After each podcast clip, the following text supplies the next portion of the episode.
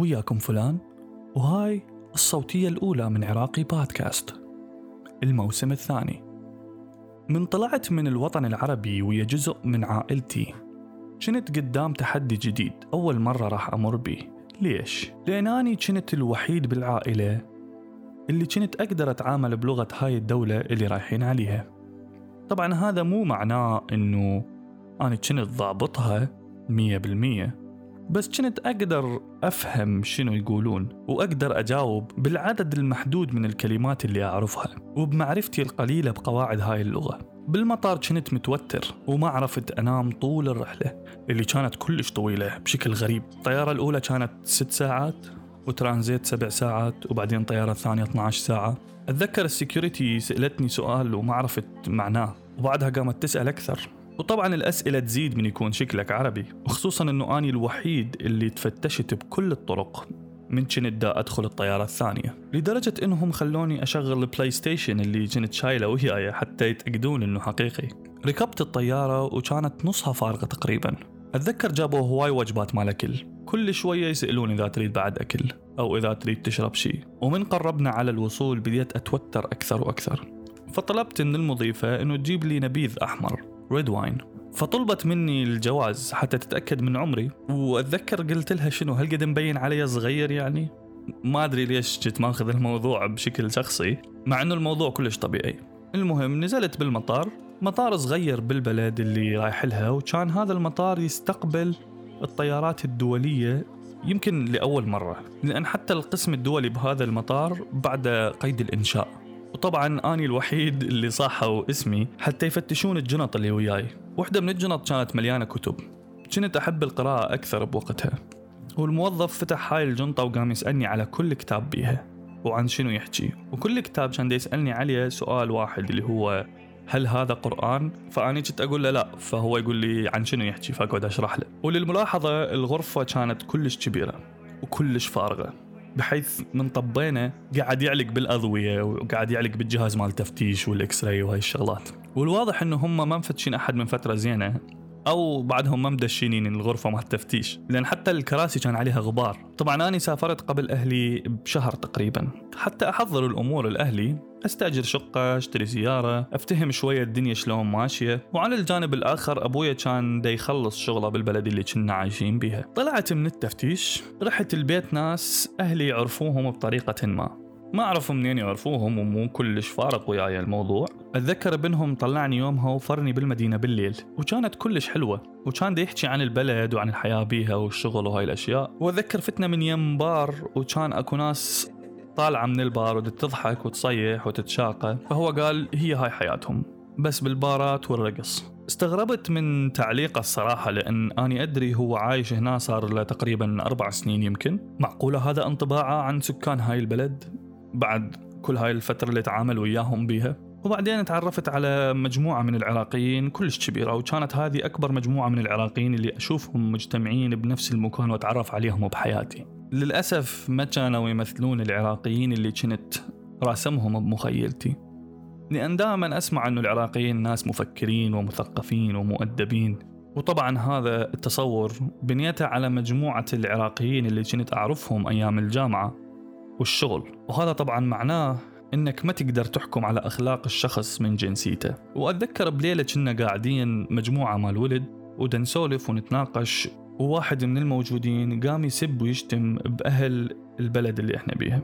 وقال أني لو بإيدي كان قتلتهم كلهم.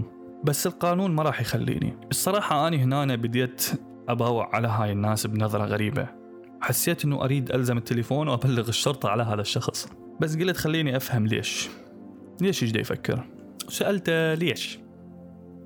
كان يقول لي أن كفار وأني ممكن هيك أطب الجنة. وهو حرفيا كان شارب بس مو سكران. يعني هو يعرف إيش يقول. هنا أني فتت وياه بنقاش وسجال كلش طويل جدا عن إذا كان اللي دا يقوله صح أو لا. لحد ما وجعني راسي ورحت نمت. بنفس هذا الأسبوع أذكر رحت وياهم وعوائلهم رحلة مال شوي والمكان كان خرافي يجنن. طلعنا أغراض الشوي وبدينا نشوي. المكان شلون أوصفه؟ كان أخضر بشكل يخليك تحس بالسلام.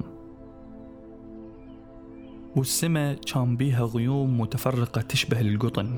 وانعكاسها على البحيرة اللي كانت بنص المكان مسوي مزيج خرافي من الألوان الحلوة والنوارس كانت تطير فوقنا والبط والوز كان يسبح بالبحيرة ويتمشى على أطراف البحيرة. كانت تحفة فنية ونظيف بشكل كلش حلو. أتذكر قلت لهم راح أروح أتمشى شوية وأتفرج على هذا المكان الجميل. غبت تقريبا نص ساعة. من رجعت شفت الصدمة. المكان الأخضر كله وسخ. وتشياس مال شيبس وعلب مال بيبسي مشمرة بكل مكان وكلين طايف على المي مال البحيرة وحفاظة مال طفل مشمورة بالقاع والبط قاعد ياكل من الأكل المشمور. هنا أنا رحت عليهم وسألتهم هاي شكو ليش المكان صار هيجي؟ كان واحد قال إيه وشكو بيها أكو ناس هنا شغلها تنظف شنو يعني ما يشتغلون؟ وبعدين إحنا راح نشيل الوسخ من نقوم. خلينا متونسين. أنا هنا ما عرفت شو أقول سكتت. عرفت إنه الحكي ما راح يفيد فقررت أجيب تشيس وأمشي ألم الزبالة. والصراحة كانت كلش هواية بحيث لقيت وسخ واصل للجهة الثانية من البحيرة لأن الهواء كان قوي بوقتها فتنتشر الزبالة بكل مكان وهم ما دايرين بال. أني ودالم بالزبل فاتت من يمي أم واحد من اللي موجودين. وكانت تقول لي عافية عافية خالة أنت مثقف وتفتهم وإحنا متخلفين وما نفتهم. ما أعرف هي كانت تستهزئ لو كانت صدق تحكي. قلت لها خالة ترى الموضوع مو ثقافة ومو فهم وإنما بالمنطق. يعني أنتوا جيتوا على مكان حلو ويم كل مكان مال قعدة سلة مال زبل كبيرة وكلش قريبة. ليش تكونون انتو السبب بتخريب المكان وتخريب جماليته؟ يعني لو هذا المكان جيتوا له وكان وسخ من الأول. كان قلتوا إيه وشنو هالوسخ وشنو هالبلد وشنو هالمكان الزبالة و... وما بقيتوا المفروض انت هسه تجيبين تشيس وتبدين تنظفين وياي.